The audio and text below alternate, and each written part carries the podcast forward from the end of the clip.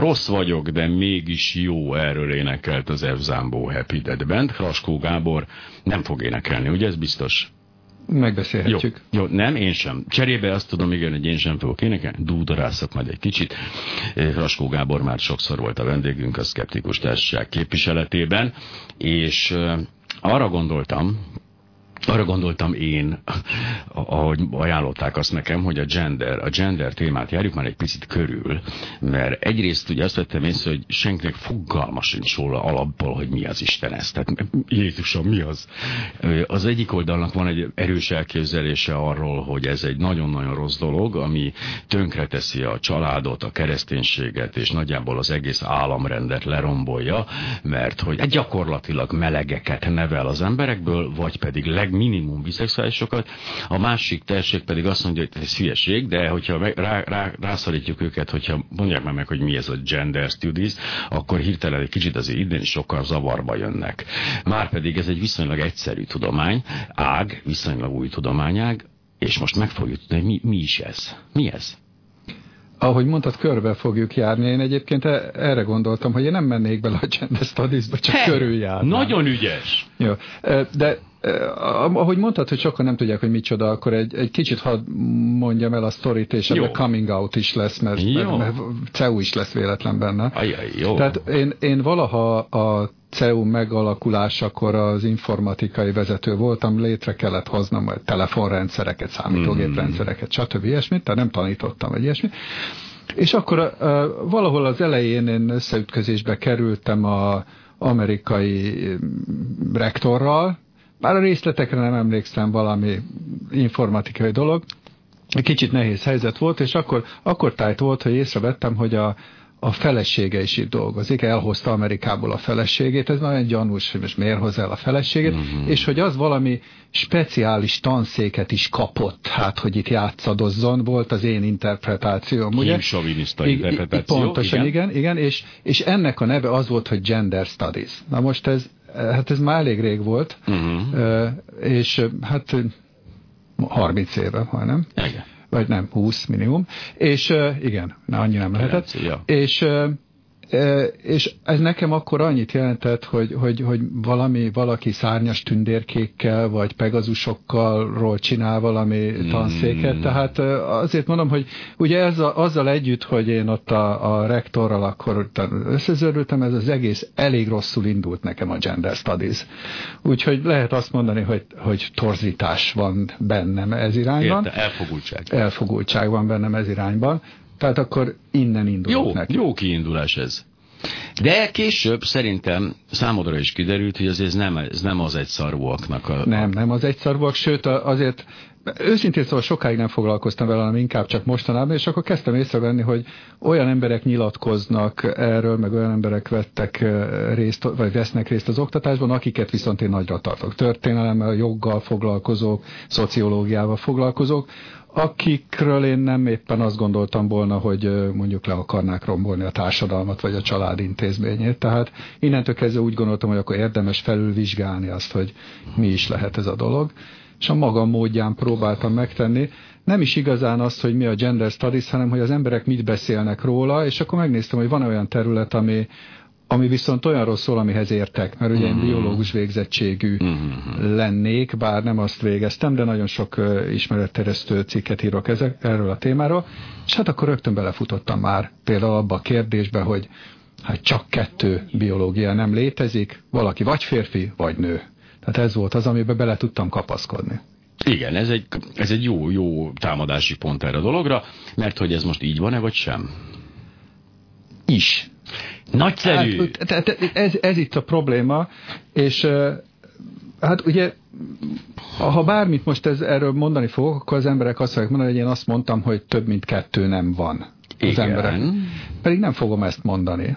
Csak ugye, amikor az embernek olyan kényelmes skatujázni a dolgokat, és egyébként ez nagyon hasznos általában, tehát azt mondhatjuk, hogy vannak férfiak és vannak nők, és egyébként ez az élet számos területén egy nagyon hasznos dolog, és, és tulajdonképpen ha az embereket nézzük, és majd szerintem kalandozunk el az állatvilágban, mert ott a szex az nagyon érdekes tud néha lenni. Különösen csigáknál. I- igen, azt konkrétan is majd szeretném említeni, de az embereknél azért tényleg eléggé határozottan lehet azt mondani, hogy vannak férfiak és vannak nők. De amikor az ember kezd egy kicsit belemenni, hogy tulajdonképpen ö, ki is mondja meg, és mi alapján, hogy valaki férfi vagy nő, akkor na, na szerinted ez hogy történik egyébként? É, én azt látom inkább, illetve én nem, nem, de idején, konkrétan most ez a kérdés. Hogy ki a férfi, tehát, ki a nő? Tehát funkcionálisan hogy történik az, hogy valaki kiderül, hogy igen, nem, igen, igen, igen. Általában Hol, ez, mikor, stb. Uh-huh. Tehát általában mondjuk, ha sétálok az utcán, és jönnek velem szembe férfiak és nők, akkor én a összes eddig összegyűjt tapasztalatom, mert elég biztosan el tudom dönteni, nem, nem, nem, nem, nem. De, de konkrétan egy adott ember számára mikor derül ki, vagy, ja, hogy vagy mikor döntődik? Nem, nem, hanem mikor dől el, hogy ő fél. Hát, Na, akkor, akkor egészen pontosabban a, a sperma találkozik a petesete? Jó, nem, nem, nem egészen nem, így. Jó, Tehát okay, társadalmi jó, szempontból, hogy ja. mikor dől el, hogy ő, hogy ő melyik kategória. Hát egyszer csak fölkerül egy papírra, hogy nő vagy férfi, nem? Mikor? Igen. A születéskor, a ugye a, a gyerek éppen túl van egy elképesztő dolgon, ami tényleg a szülés, az olyan elképesztő dolog, és akkor ugye a, a tüdeje, ameddig össze volt lappulva, az hirtelen ki kell, hogy táguljon, és vesz egy nagy levegőt, és jó esetben elkezd bőgni, és akkor ez tulajdonképpen már jót jelent, és ekkor ott, az, ott tüsténkedő emberek közül valamelyik fehér köppen, és az benéz a két lába közé, és akkor megnézi, hogy mi van ott. Nem vicc, és akkor fölkerül a papírra, hogy, hogy lány vagy fiú. Pontosan. Tehát tulajdonképpen, na most ez nem vicc. Tehát nem vicc, ez on, onnantól, de, de ez olyan értelemben nem vicc, hogy, hogy társadalmi szempontból ekkor elindul egy olyan pályán az a egy, egyed, ami meghatározza, és mondjuk konzervatív szemlélettel, és most semmilyen pejoratív dolgot nem mondtam, akkor az tényleg azt jelenti, hogy úgy kell leélni az életét, ugye? Most az a helyzet, hogy, és vissza be lehetne menni a gender dolgokba, tényleg, de én nem is akarok abba belemenni, biológiának akarok maradni. Ezerből két esetben benéz oda az orvos, és azt mondja, hogy ő. Uh-huh. És akkor nem tudja eldönteni, hogy ez most fiú-e vagy lány. Uh-huh és akkor jönnek ilyen bonyolultabb dolgok, hogy kérünk kromoszómavizsgálatot, meg egyéb dolgokat, és akkor, akkor kiderül, hogy hát igen, úgy kívülről nézve, meg akár belülről nézve is olyan ambivalens, de mondjuk, és akkor majd rátérünk a kromoszomás dolgokra, hát ez úgy néz ki, hogy fiú. De lehet, hogy még ott se fog kiderülni teljesen, és akkor megkérdezik a szülőket, hogy hát most akkor szerintük fiú vagy lány. És hogyha azt mondják, hogy valamelyik, akkor lehet, hogy jön egy-két plastikai műtét, amivel esetleg segítik, vagy nem, és akkor csinálnak, amit úgy lehet. Tehát, a szülők itt döntéshelyzetben van? Én úgy tudom, nem néztem hmm, nagyon utána, értem. de utána, egy kicsit utána érdeklődtem, hogy a végső döntés az a szülők hmm. kezében van. Nyilván, hogyha tényleg teljesen Igen. ambivalens a dolog, akkor, akkor ők döntik el. Most már gondolhatjuk, ez már azért nem olyan egyszerű, mint hogy be volt írva, hogy fiú hát vagy lány. És akkor ez, ez érdekelt engem, hogy akkor mi is, mitől is van ez a dolog? Mert ez nyilván nem gender kérdés, itt még nem, nem a társadalmilag más, meghatározott, hogyne, nem? Hogyne. Illetve akkortól az, amikor a szülőpár esetleg azt mondja, hogy már pedig ez fiú vagy lány. De egyébként a határozott esetekben nem. De itt van tényleg az a kérdés, hogy hogy akik azt mondják, hogy már pedig csak két nem van, azoknak elvileg igazuk van, csak akárhogy definiáljuk a, a, a két nemet, mindig lesz egy-két ember, ezerből egy-kettő ember, aki nem esik bele ebbe a kategóriába. Sőt, a, a dolog ennél nehezebb, mert, mert például vannak olyan emberek, akik ránézésre teljesen egyértelműen valamelyik nemhez tartoznak, míg ha megnézzük tisztán biológiailag, tehát nem semmilyen társadalmi dolgot, tehát például kromoszoma vizsgálat, akkor azt nézzük, hogy hát ennek másiknak kéne lenni. És akkor egy-két dolog, ugye te is mondtad már, hogy ez a kromoszómáktól függ, és tényleg valamilyen értelemben hát a, a, a megtermékenyítéskor derül ki, ugye, hogy a, és igazából ebből a szempontból az apa határozza meg, ugye, hogy ő most egy Y vagy egy X kromoszómás hímivas sejtet juttatott el oda a petesejtig, bár itt vannak nehézségek, mert állítólag azért a, a, a anya is befolyásolhatja, hogy melyiket preferálja, tehát azért bonyolult dolgok ezek, de a lényeg az az, hogy ha bejut a Y-kromoszómás spermium, akkor úgy gondoljuk, hogy fiú lesz belőle. Most az a helyzet, hogy az első napokban még nem egészen, és azt mondják sokan, hogy igazából alapvetően nőként indul el a fejlődés, de néhány nap alatt, hogyha van Y-kromoszóma, azon van egy olyan gén, amik elkezd dolgozni, és akkor beindul az az út, gyakorlatilag kinyílik egy ajtó, és bezárul a második, hogy akkor most fiút csinálunk ebből az egyedből, és így, így indul el a dolog. Hát ez az, amikor természetes, amikor olyan, Tehát olyan a jól egyszerűen azért ezt próbálja feketére vagy fehérre lebontani, van, az evolúció szempontjából ez baromi lényeges, hát ő ezt igen. szeretné, hogy ott hát vagy igen. férfi legyen valaki, vagy nő. Igen, miután a, a, a magasabb rendű állatoknál beleértve az embert is, ugye alapvetően az ivaros szaporodás fele dőlt el a dolog, tehát nem bimbózgatunk, és úgy lesz a vegetatív módon az utódunk, ezért valahogy azt úgy, az praktikus az, hogy így mondjam, hogy legyen két nem, meg különböztethető, és azok szaporodni tudjanak, tehát ilyen értelemben ez elindul. De aztán vannak olyan esetek, amikor, amikor például két X-et és egy Y-t kap a, a zigóta. Vagy például van olyan, amikor csak egy X-et. Vagy van olyan, amikor ugyan két X-et kap, de ez a, kén, ez, a, ez a gén, amelyik meghatározza ezt a beindulást, a fiú útvonal beindulását, ez átkerül arra, és ilyenkor van az, hogy valaki XX, és egyértelműen akármelyik, akár magyar vagy nem magyar konzervatív ember számára is, az már pedig egy fiú. Úgyhogy nem nagyon lehet olyan kategorizálást találni, amikor ne es neki néhány ember ebből a kategóriából, mondom. És nem genderről beszélünk, hanem Ez még biológia, kőkemény biológia. A gender ezután következik uh-huh. majd a tényleg férfi testben, férfi kromoszómákkal rendelkező egyed, aki nő. Azt uh-huh. gondolja, hogy ő nő. Uh-huh. Például ez egy abszurd lehető dolog.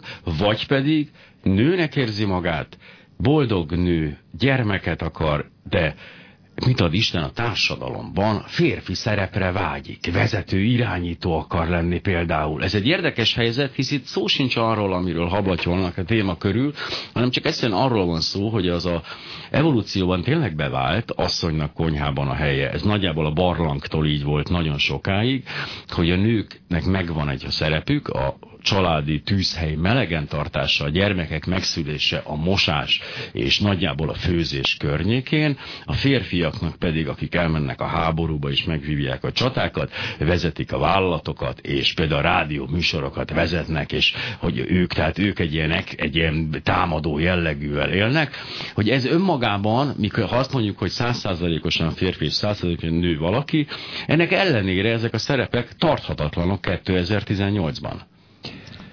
De nem tudjuk, hogy ezeknek a kialakulásában ugye mennyire a társadalmi faktorok játszanak szerepet, ugye, hogy mit adtak a kezedben gyerekkorodban, kisvasutat vagy, vagy Barbie babát, ugye, mert ezeknek kétségkívül biztos, hogy nagy hatása van.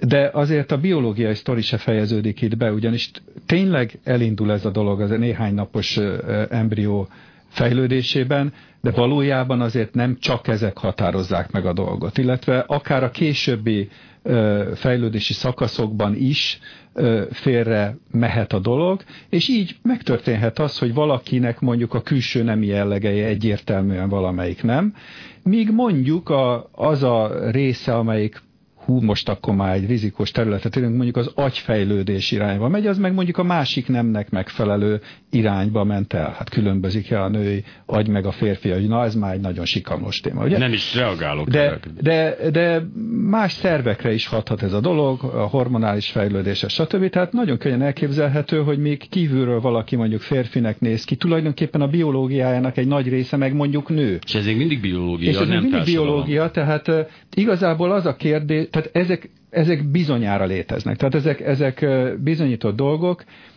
Az egy tudományos és nem tudományos kérdés, hogy ezek a meghatározók-e a viselkedésünkben, vagy pedig a, a, örök, a, vagy pedig a szerzett tulajdonság, tehát ugye a, a, körül, a körülményeink, a táplálkozás, a, a, az oktatásunk, a családi millió, stb.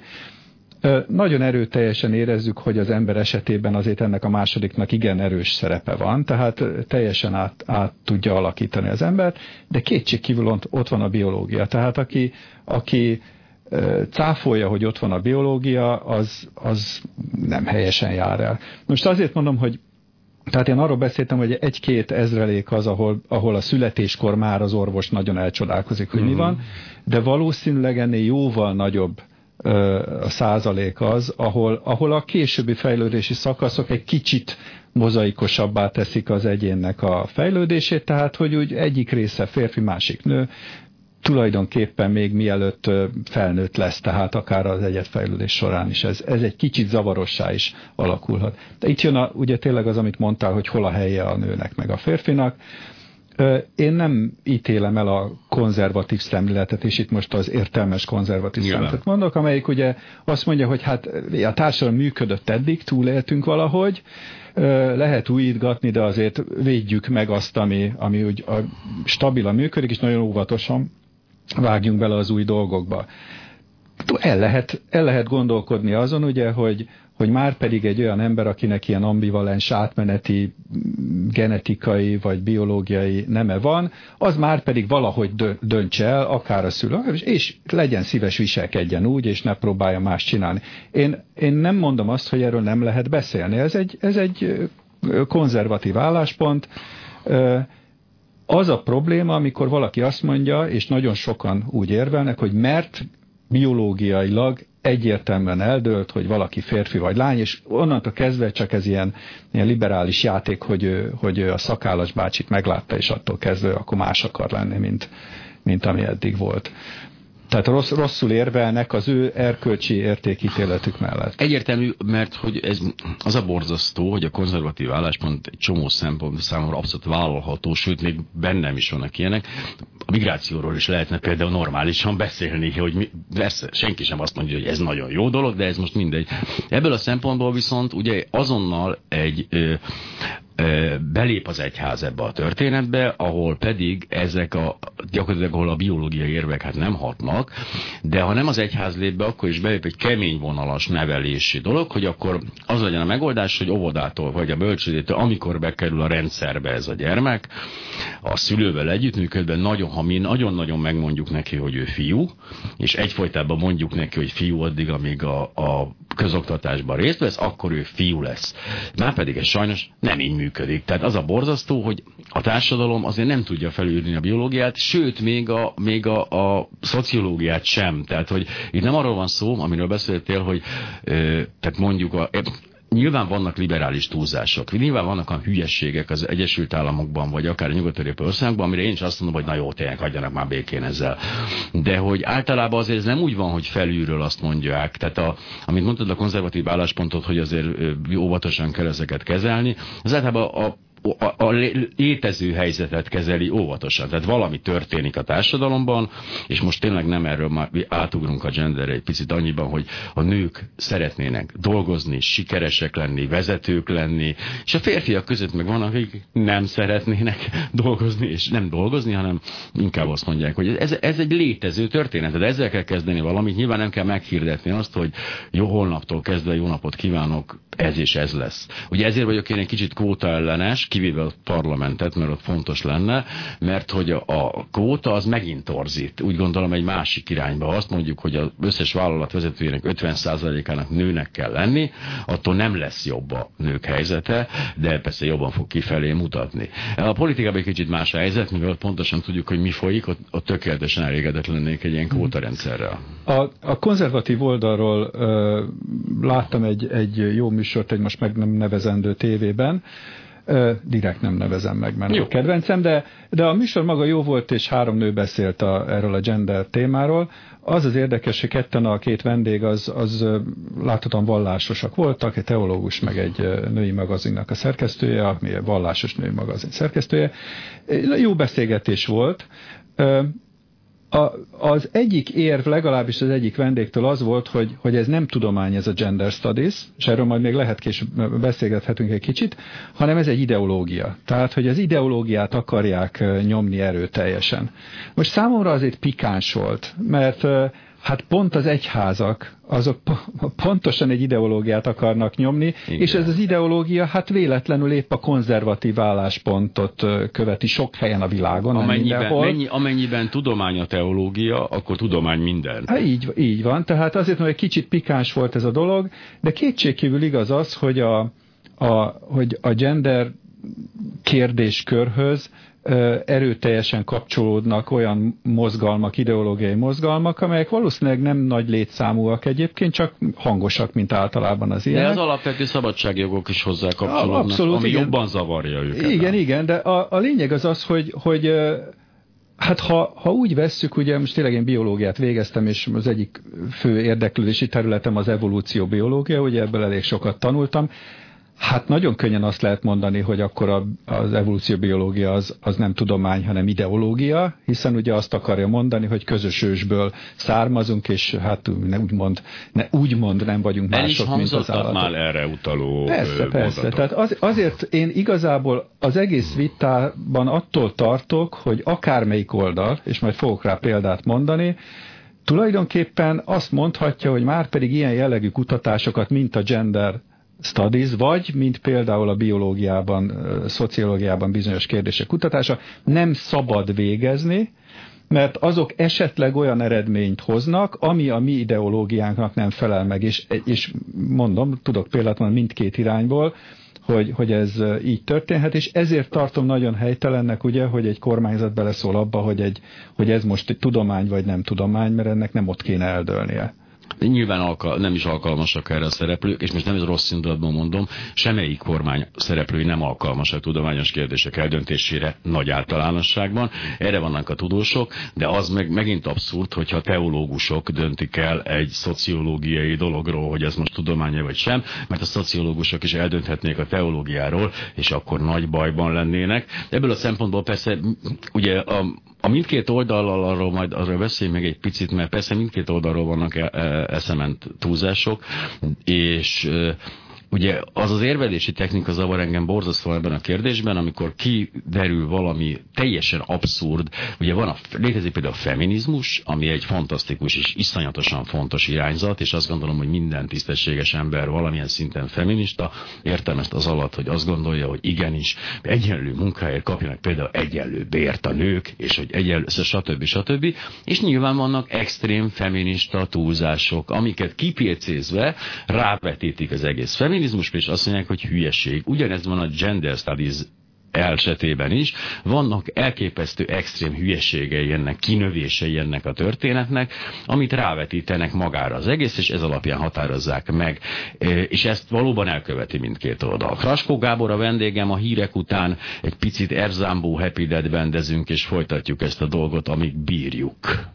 Mossál mindent magad után, holnap nem lesz, holnap után, írja a költő F. Zámbó István, aki nem csak költő, hanem festőművész, és hát gyakorlatilag általános művész is, e, ebben a csodálatos számában az F. Zámbó Happy Dead Band tolmácsolásában. Haskó Gábor a vendégem, viszont a szkeptikus társaság képviseletében. Azért egy szkeptikus társaság F. Zámbó Happy Dead Band közös koncertet egyszer azért megnéznék.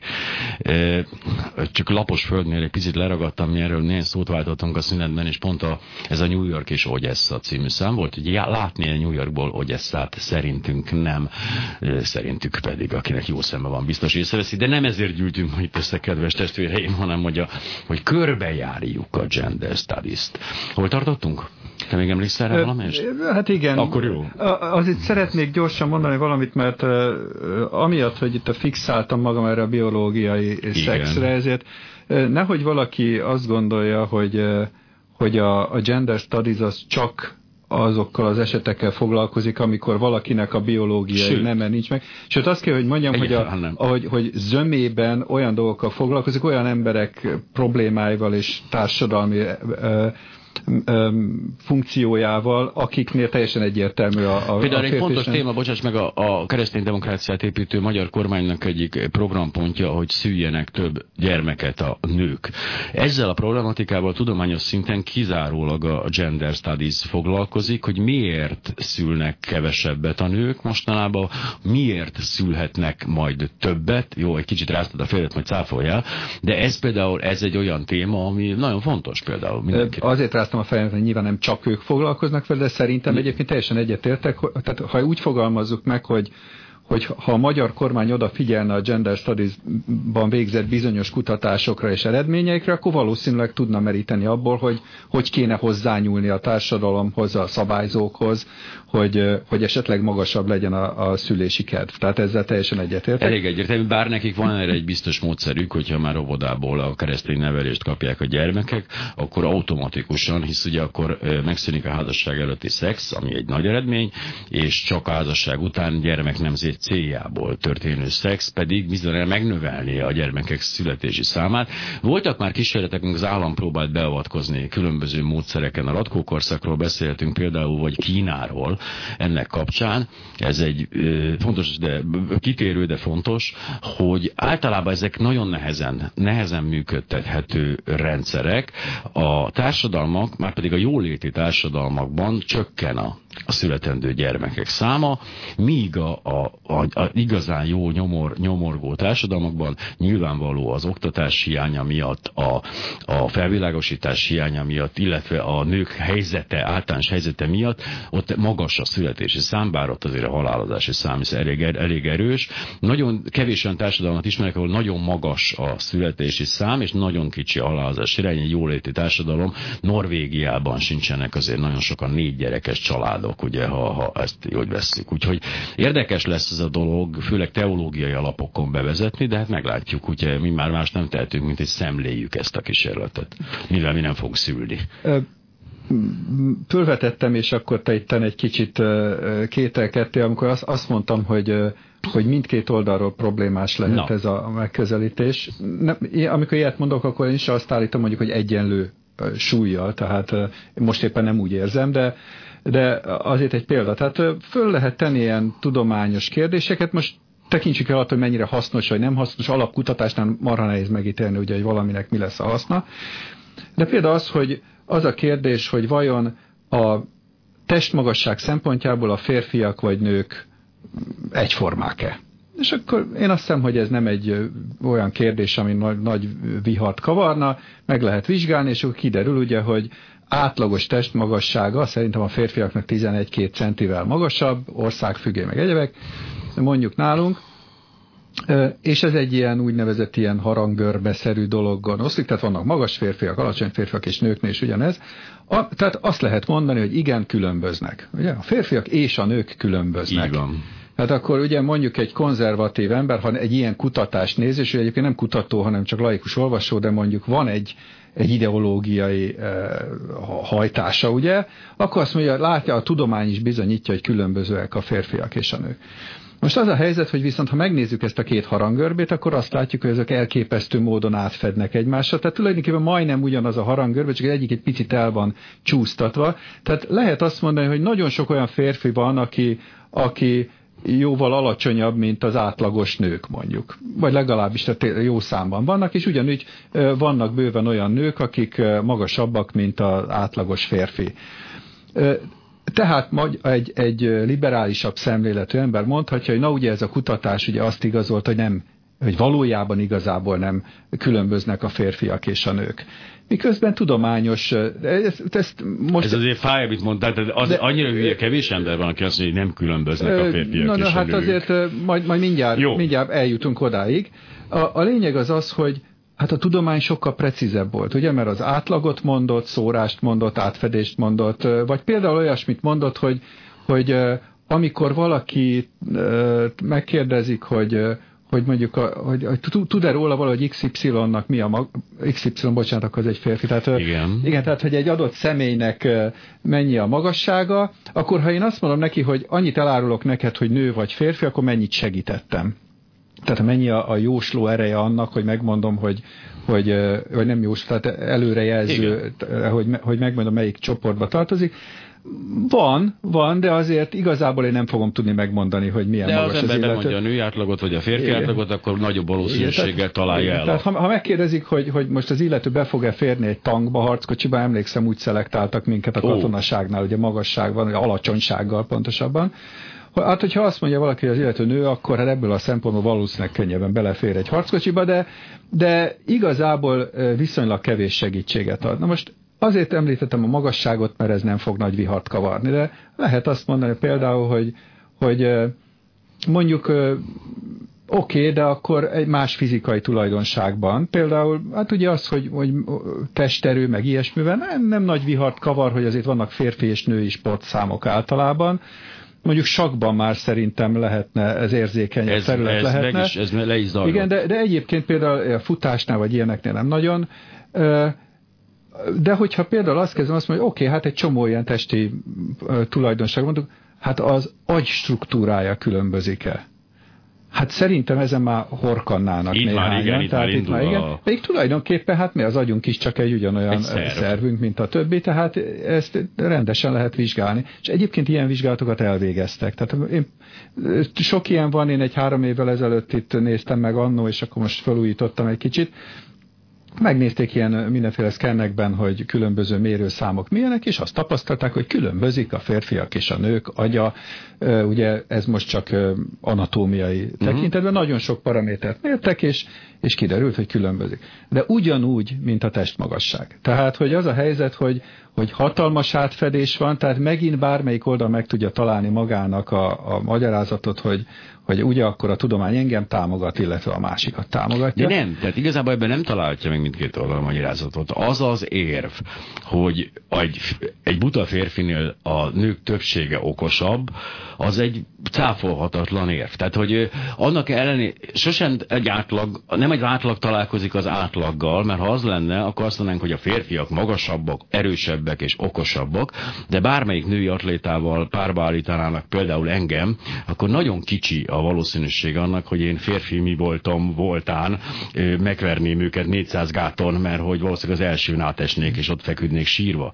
Tehát ez, ez nem, nem támasztja alá ezt, a, ezt az érvet. Hogy attól, hogy én férfi vagyok, használják hát ezeket használják. az érveket. Egyébként érdekes módon átcsúsztál, nagyon óvatosan, hogy agyi struktúrákról beszéltem, mm. tehát rögtön intelligenciáról kezdte beszélni, és ez nem véletlen, mert ez lett volna akár a következő lépésem, ugye akkor nézzük meg az IQ vizsgálatok eredményét. Őszintén szóval nem nagyon tudom, hogy nőknél, férfiaknál mi van, majd mindjárt visszatérek rá, Jó. De, de azt tudom, hogy rasszok esetében 90-es évek elején volt egy ilyen könyv a harangörbe, azt hiszem, vagy normál eloszlás igen, című igen, könyv, igen. ami nagyon nagy vihart kavart. Egyébként a könyvnek nagy része nem arról szól, hogy a rasszok mennyiben különböznek az IQ de eloszlásban, de van egy róla. fejezet, ami erről szól, és az, az nagyon kiverte a biztosítékot.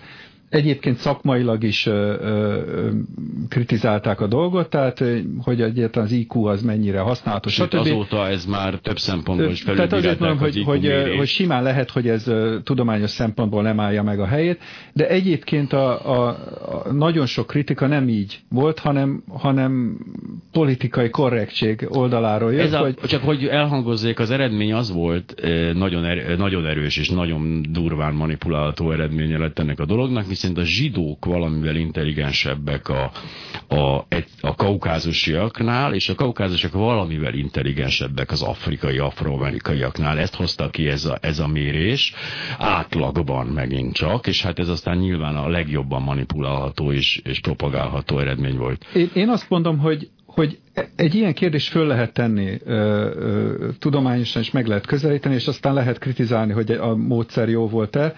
Amik, én egy hosszú interjút hallott, hallottam nemrég konkrétan a, ennek az egyik írójával, és az merült fel bennem, hogy miért csinálta meg? Tehát, hogy, hogy annyi mindent lehet mérni, hogy tulajdonképpen volt-e valami neki valami ö, prekoncepció, nem is prekoncepció, akarta-e használni, akar, szerette volna-e, ha kiderül, ha ez vagy az az eredmény, nem éreztem rajta, tehát nem gondolom.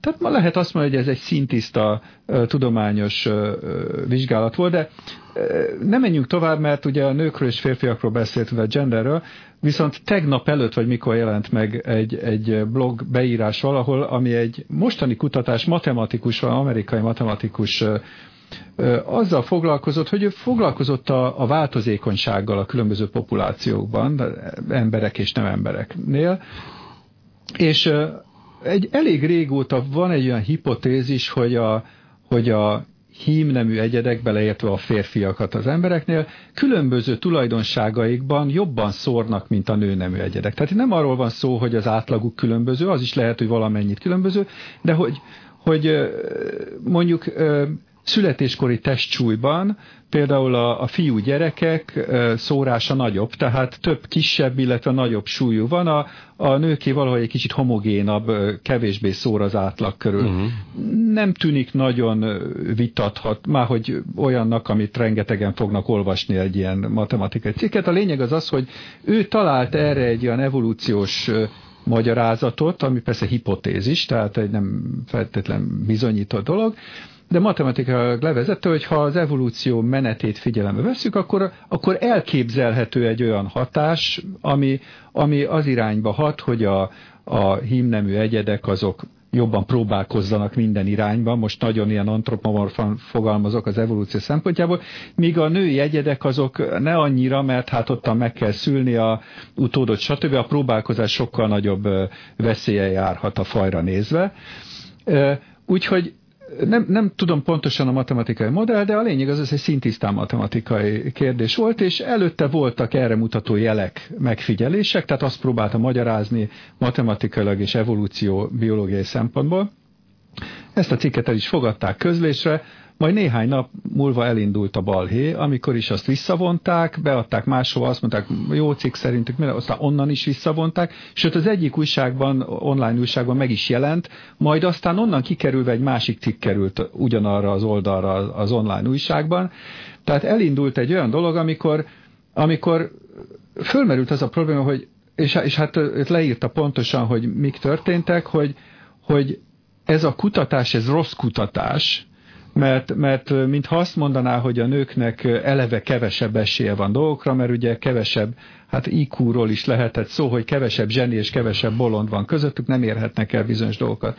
Nos, lehet, hogy megint arról van szó, hogy lehet, hogy hogy téves ez a kutatás. De ennek semmiféle ilyen agendája nem volt, hogy mit akarnak bizonyítani. Egy egyébként úgy, ahogy elismert megfigyelés sorozatot próbált matematikailag tárgyalni, és ebben az esetben hát elég egyértelműen pont a liberális oldal az, amelyik, amelyik megtámadta ezt a cikket egyáltalán nem tudományos alapon, gyakorlatilag lehetetlenné téve a, a kutatás közlését. Tehát azért mondom, hogy mi, a, tehát ez a PC, ez a, a férfinő egyenlőségnek a túlhajtása az, ami, ami bizonyos akár biológiai vagy matematikai kutatásokat is megnehezít. Igen, tehát az, az a helyzet, hogy nagyon kevesen szembesülnek azzal, hogy önmagában egy álláspont, hogy valaki az egyik oldalon foglal állást, önmagában nem jelenti azt, hogy okosabb, hisz ez pont egy, ugyancsak egy harangörbe, hogy a liberális nézeteket valló hülyék, azok pont olyan hülyék, mint a nem liberális nézeteket valló hülyék, attól, hogy önmagában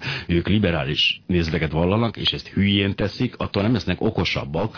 A, ez, a, ez a konzervatív és nem konzervatív irányzatok között, ugye ez nem, nem úgy, ne, sajnos nem úgy történik, hogy az okosak az egyik oldalra álltak, a buták meg a másikra, mert ez nagyon csodálatos lenne, és akkor boldogan élhetnénk az életünket. Nem erről van szó. Tehát, hogy e, e, ez elfogadni iszonyú nehéz. Még nekem is sokáig tartott, amíg sikerült levetkőznem azt a dolgokat, hogy aki egyetért velem, az okos. Nem.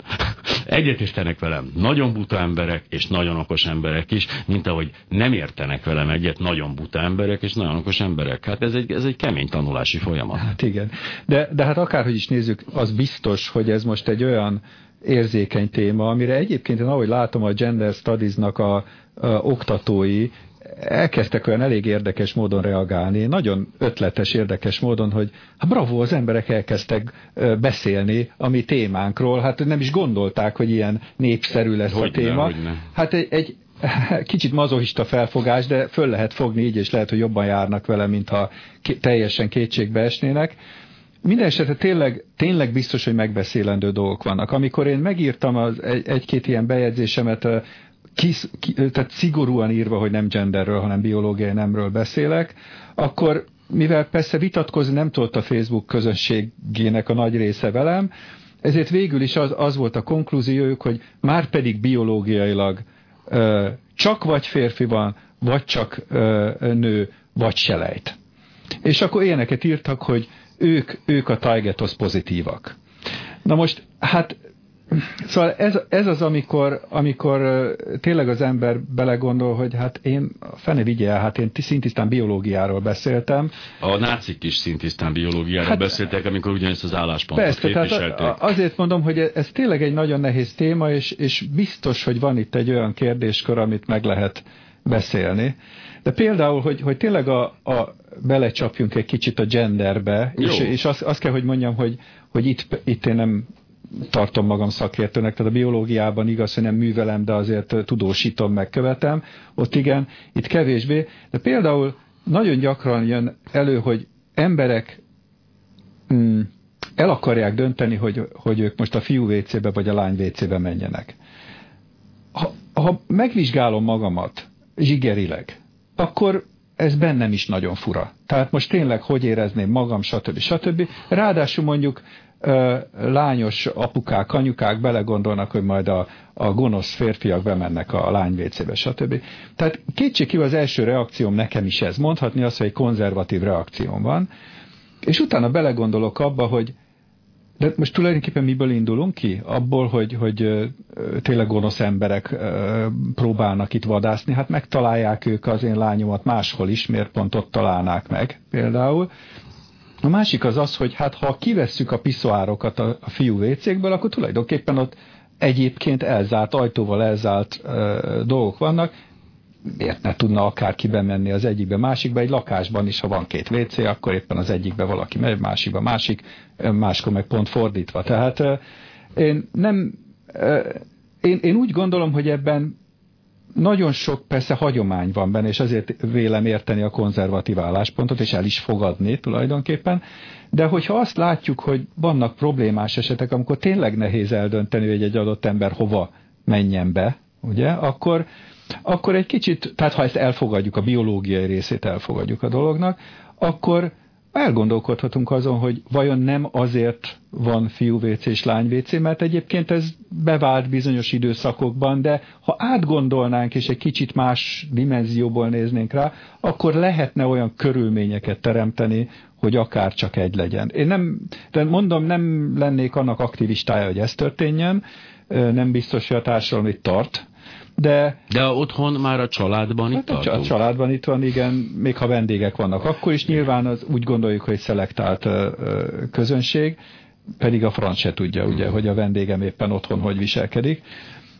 A lényeg az az, hogy, hogy nem tartom szentségtörésnek erről a kérdésről például vitatkozni, míg az emberek zöme ugye szentségtörésnek tartja erről vitatkozni. Egyrészt a vitát nagyon-nagyon mást értünk vita alatt, mint ez azokból a hozzászólásokból is kiderült, amit idéztél. Tehát itt azért eh, pont a migrációhoz hoztam fel a beszélgetés elején, Istenem, nagyon-nagyon fontos lenne egy társadalmi vita. Én azt gondolom, hogy borzasztóan fontos lenne, hogy erről beszéljünk.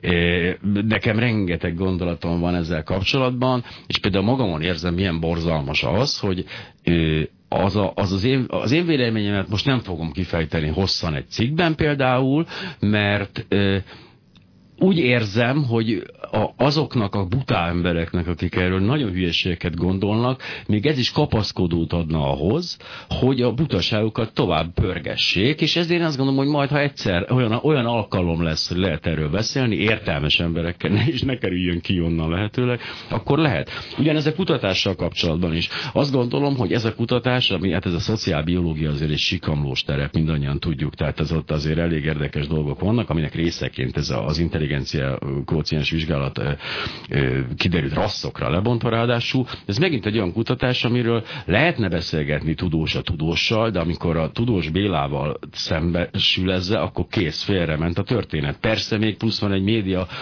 interpretációja, mint minden kutatásnak. Ráadásul ugye az intelligencia mérés az azóta teljesen megváltozott, szerencsére meg is változott, de még a megváltozott IQ mérés is folyamatosan változik, tehát ezt próbálják ezt az egész dolgot most hogy rendbe rakni, úgyhogy bárki eldobhatja az eddigi papírjait arról, hogy milyen magas az iq mert az még ugye nem jelent egyértelmű dolog, de azért a menzatagságot tartsák meg, azt kérem, hölgyeim és uraim, az még egyelőre nem, nem lett eltörölve. De hogy tényleg, a, hogy mondtad, hogy ez egy rossz kutatás, mondják rá a, a szélső, szélső liberális, ez a helyes kifejezés, azt nem hát szeretem, igen, igen. de mindegy Nincsen olyan. Tehát azt gondolom, hogy nem létezik rossz kutatás. Egyszerűen e, vannak olyan kutatások, amik jobb, ha kutatások maradnak, és nem a, a, a izé, Baba Mama magazinban jelennek meg címlapsztoriként, mert az biztos, hogy van marhasság fele megy. Most nekem mondod, hogy nincs rossz kutatás? Igen. Hát az időm zömét azzal töltöm, hogy itt rámutatok, hogy ez meg az rossz kutatás. Tehát én nem ezt mondom. Igenis van rossz tudomány, az, az amikor a, a módszertant hamisan az rosszul más, használják. Az ba, ba, ba. Tehát Igen, akkor értjük akkor egymást. Ugye? Tehát, tehát, tehát szerintem vannak olyan területek, ahol a kutatás módszertana, a kérdésfeltevés az teljesen tudományos, tudományosan végzik el. A téma érzékeny. Igen. A téma akár nagyon érzékeny társadalmilag, Jaj, Ilyen... mert annyira érzékeny a téma, hogy most híreket kell mondanom. Hát, gyorsan Kraskó Gáborral azonnal jövünk vissza, elnézést, csak nem néztem az órát, a szkeptikus társaság hétfőjét hallják, és az érzékeny kutatásra fogunk visszacsatolni. Tehát, hogy akkor köszönöm, hogy kijavítottál, tehát akkor az én álláspontom szerint nincs olyan téma, amit ne lehetne kutatni, de minden témát lehet rosszul kutatni. Akkor így pontos, ugye? Pontos. Ah, megnyugodtam egy picit. Hirtelen azt, nem azt az álláspontot képviselt, hogy néhány témakört nem szabad. Pontosan ja. fogalmaztál most, igen. Megnyugtat, megnyugtat. Például a lapos föld is ilyen. E muszáj erre mindig visszatérnem, mert említette az időd nagy részét mostanában a lapos föld a hétvégén, problematikájával igen. töltötted, és arra gondoltam, hogy ennél haszontalanabb elfoglaltság kevés van, de aztán megnyugtattál, hogy ez nem így van. Érdemese, jó, akkor még egy, még egy dolgot fölteszek. Érdemese olyan nagyjából 2000 éves tényeket újra kutatni, amelyek egyértelműen és határozottan kiderültek 2000, 1000 vagy akár csak 300 éve is. Azért akkor tényleg van felesleges kutatás, erre gondolok. Ne, nem érdemes, illetve azt érdemes, hogy hogy 2000 év után és ennyi tapasztalat után miért vannak emberek, embercsoportok, akik ezzel foglalkoznak. Ez nem, tudom, nem, társ, nem természettudományos kérdés, hanem társadalomtudományi kérdés, szociológiai, pszichológiai kérdés. Egyértelműen, igen. igen, én is most végig gondoltam hirtelen, hogy mikkel találkozom, és hát kétségtelenül megöl minket a, a szkeptikus társaság titkára, nem mondunk néhány szót arról, hogy mire készül mostanában. Tudunk valami programról, szkeptikus társaság programról, vagy bármiről, ahol vele csatlakozni, vagy ezt mindenki a Facebook oldalán keresse meg? Az az igazság, hogy sajnálatos módon az egyik szkeptikus rendezvény, amit nem mi csináltunk, de, de nagyon fontos és jó volt a Budapesti Szkeptikus Konferencia, uh-huh. most mhm. már talán két éve nem kerül megrendezésre. Még a, a Székesfehérváron a hagyományos szkeptikus konferencia november tájékán vagy október végén az most is megrendezésre kerül. Ez se a társaságunk szervezi, de egy hagyományos rendezvény, tehát arra lehet figyelni, hogy, hogy Székesfehérváron az mikor lesz. Viszont éppen ezért, mert hogy lecsökkent az ilyen rendezvények száma, ezért én most nagyon szeretném azt, mint, mint elnöke a társaságnak, hogy, hogy akkor viszont, mivel nem konkurálnánk már egy budapestivel, ezért indítsunk el mi most a Szkeptikus Társaság nevében egy ilyen rendszeres rendezvény. Tehát én azt szeretném, hogyha mostanában évente legalább egy ilyen rendezvény lenne Budapesten, de akár egy vándorkonferenciaként is el tudom képzelni, hogy akár hasonló programokkal elmennénk nagyobb városokba, és egy kicsit úgy felráznánk az embereket. Őszintén szólva egy kicsit válságban vagyok, mert ez a, ez a fake news, ez annyira azért letaglózza az embert, hogy, hogy nehéz skeptikusként ugye témákat elővenni. Most nem beszélve arról, hogy a mai problémák mellett őszintén szóval néha elgondolkodom, hogy mondjuk a homeopátia az most éppen egy, ez uh-huh. egyik legfontosabb kérdése, vagy sem. De, de a, az igazi sok az az, amikor tényleg emberekkel elkezdek beszélgetni, nem is azt mondom, hogy vitatkozni, de hát tényleg megtárgyalni ilyen témákat, és én viszonylag türelmesen tudom ezt csinálni, és akkor valahogy eljutunk odáig, hogy az illető végül is kimondja, hogy őt nem érdekli, hogy mi az igazság. Tehát ugye ezt látjuk a mai fake news sztorikban nagyon sokszor, hogy amikor rámutatunk, hogy hát hogy most ne hazai példát mondjuk, ugye, hogy mondjuk Trump valami hát nem igazat mondott, akkor, akkor az emberek egyre többször nyilatkoznak úgy, hogy jó, azt én is tudom, hogy az úgy nem igaz, de jót akar, és jó irányba, és tehát jó célból hangsúlyoz, ez tulajdonképpen kihegyezése egy, egy fontos, mondjuk konzervatív, vagy valami uh-huh. konzervatív ideának. Hát e, ezzel azért nagyon nehéz mit kezdeni. Tehát amikor már a szkeptikus teljesen elveszíti a, ugye a szkeptikus alatt ilyenkor ugye a tudományos embert értem, Igen. hát amikor már nem tud mire hivatkozni, ja, hát a realitás nem számít, akkor, akkor tényleg már nem tudom, hogy hogy tudunk egy asztalnál beszélgetni értelmesen. Igen, ez mindig ijesztő számomra, én viszont hazai példát hozok, amikor azt mondja valaki, hogy ezek a nyilvánvaló hazugságok táborerősítő szerepet töltenek be, és arra nagyszerűen Igen. alkalmasak. Igen. Így van. Most én, hát nem akarom elképzelni azt a tábor, de teljesen mindegy, ha, ha műhatalom technikailag hasznos valami, ugye ez a cél az már régen is szentesítette az eszközt, legalábbis néhány esetben. É, azt kell, és akkor mikor az ember ül, lebénulva egy marhasság hallatán, és azt mondja, na de a célnak megfelelt, ügyes, és tehetetlen vagyok ellene, ugye nem kezdtem el egyesével cáfolni ezeket, hanem így hát felteszem a kezem, és azt mondom, hogy ilyen országot akartatok, tök jó. És én nagyon boldog leszek benne, ugye nyilván, én nekem nehézebb terepen is sikerült boldognak lennem a késő kádárizmusban, tehát én azért körülbelül ezt ki fogom bírni, de a többiek is, igen. Igen, itt megszűnik a vita, és ez egy nagyon érdekes dolog, erről írt valaki egy hosszabb cikket a Guardianben, azt hiszem, pont ez a lényeg, hogy, hogy megszűnik a párbeszéd, tehát párhuzamos univerzumok épülnek fel, és nincs átjárás, mert nem a tehát egyedül a tények nyelvén lehetne szót érteni, de a tények nem számítanak, onnantól miről beszéljünk.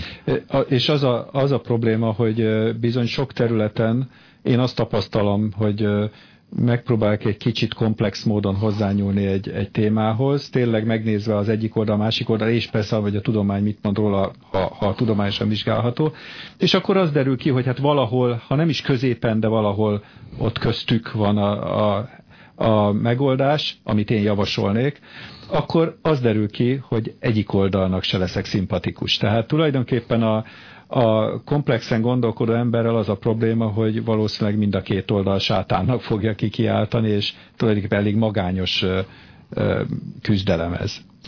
Igen, de ennek ellenére folytatódik. Ez a konferencia, ez, ezek a most egy felhívás volt, hogy akinek van kedve, akkor most adjon ötleteket a szkeptikus társaságnak erre, vagy, vagy, vagy kezdje el szervezni, vagy ezt a szkeptikus társaság megoldja magában, meg tudja ezt oldani? Én, én azt mondanám, hogy azért is említettem ezt. Tehát ez egy uh-huh. ilyen, ilyen, ilyen ötlet volt, mit, amit már az elnökséggel mi beszélgettünk, uh-huh. hogy tényleg el kéne valamit kezdeni miután ugye csökkent a száma az ilyen szkeptikus összejövetelneknek.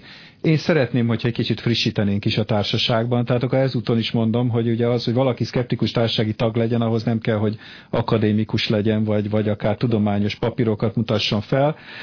Kétségkívül jó az, hogyha valaki valamilyen szakterületről tud Nyilván. szakmai ismerteket hozni, de alapvetően bárki jöhet hozzánk, aki a racionális tudományos gondolkodás híve, és valamit tenni szeretne ezügyben, és hogyha ez azzal jár például, hogy valamelyik városban azt mondja, hogy ő szívesen elkezdené szervezni, hogy ilyen rendezvény legyen, akkor mi szívesen kapcsolódunk hozzá, és meg csináljuk vele együtt a programot, megszervezzük az előadókat. Tehát hajrá, kezdjünk el országszerte szkeptikus rendezvényeket szervezni. Hajrá! Raskó Gábornak a Szkeptikus Társaság elnökének, én Parakovács Imre vagyok, és leszek is jövő héten. Evzámbó Happy Dead Bendel búcsúzunk, ahogy kezdtünk. Őrültek voltunk, és bolondok lettünk. Ez lenne a szám, hát ez csodálatos. Találkozunk jövő hétfőn. Köszönöm szépen, hogy itt voltak.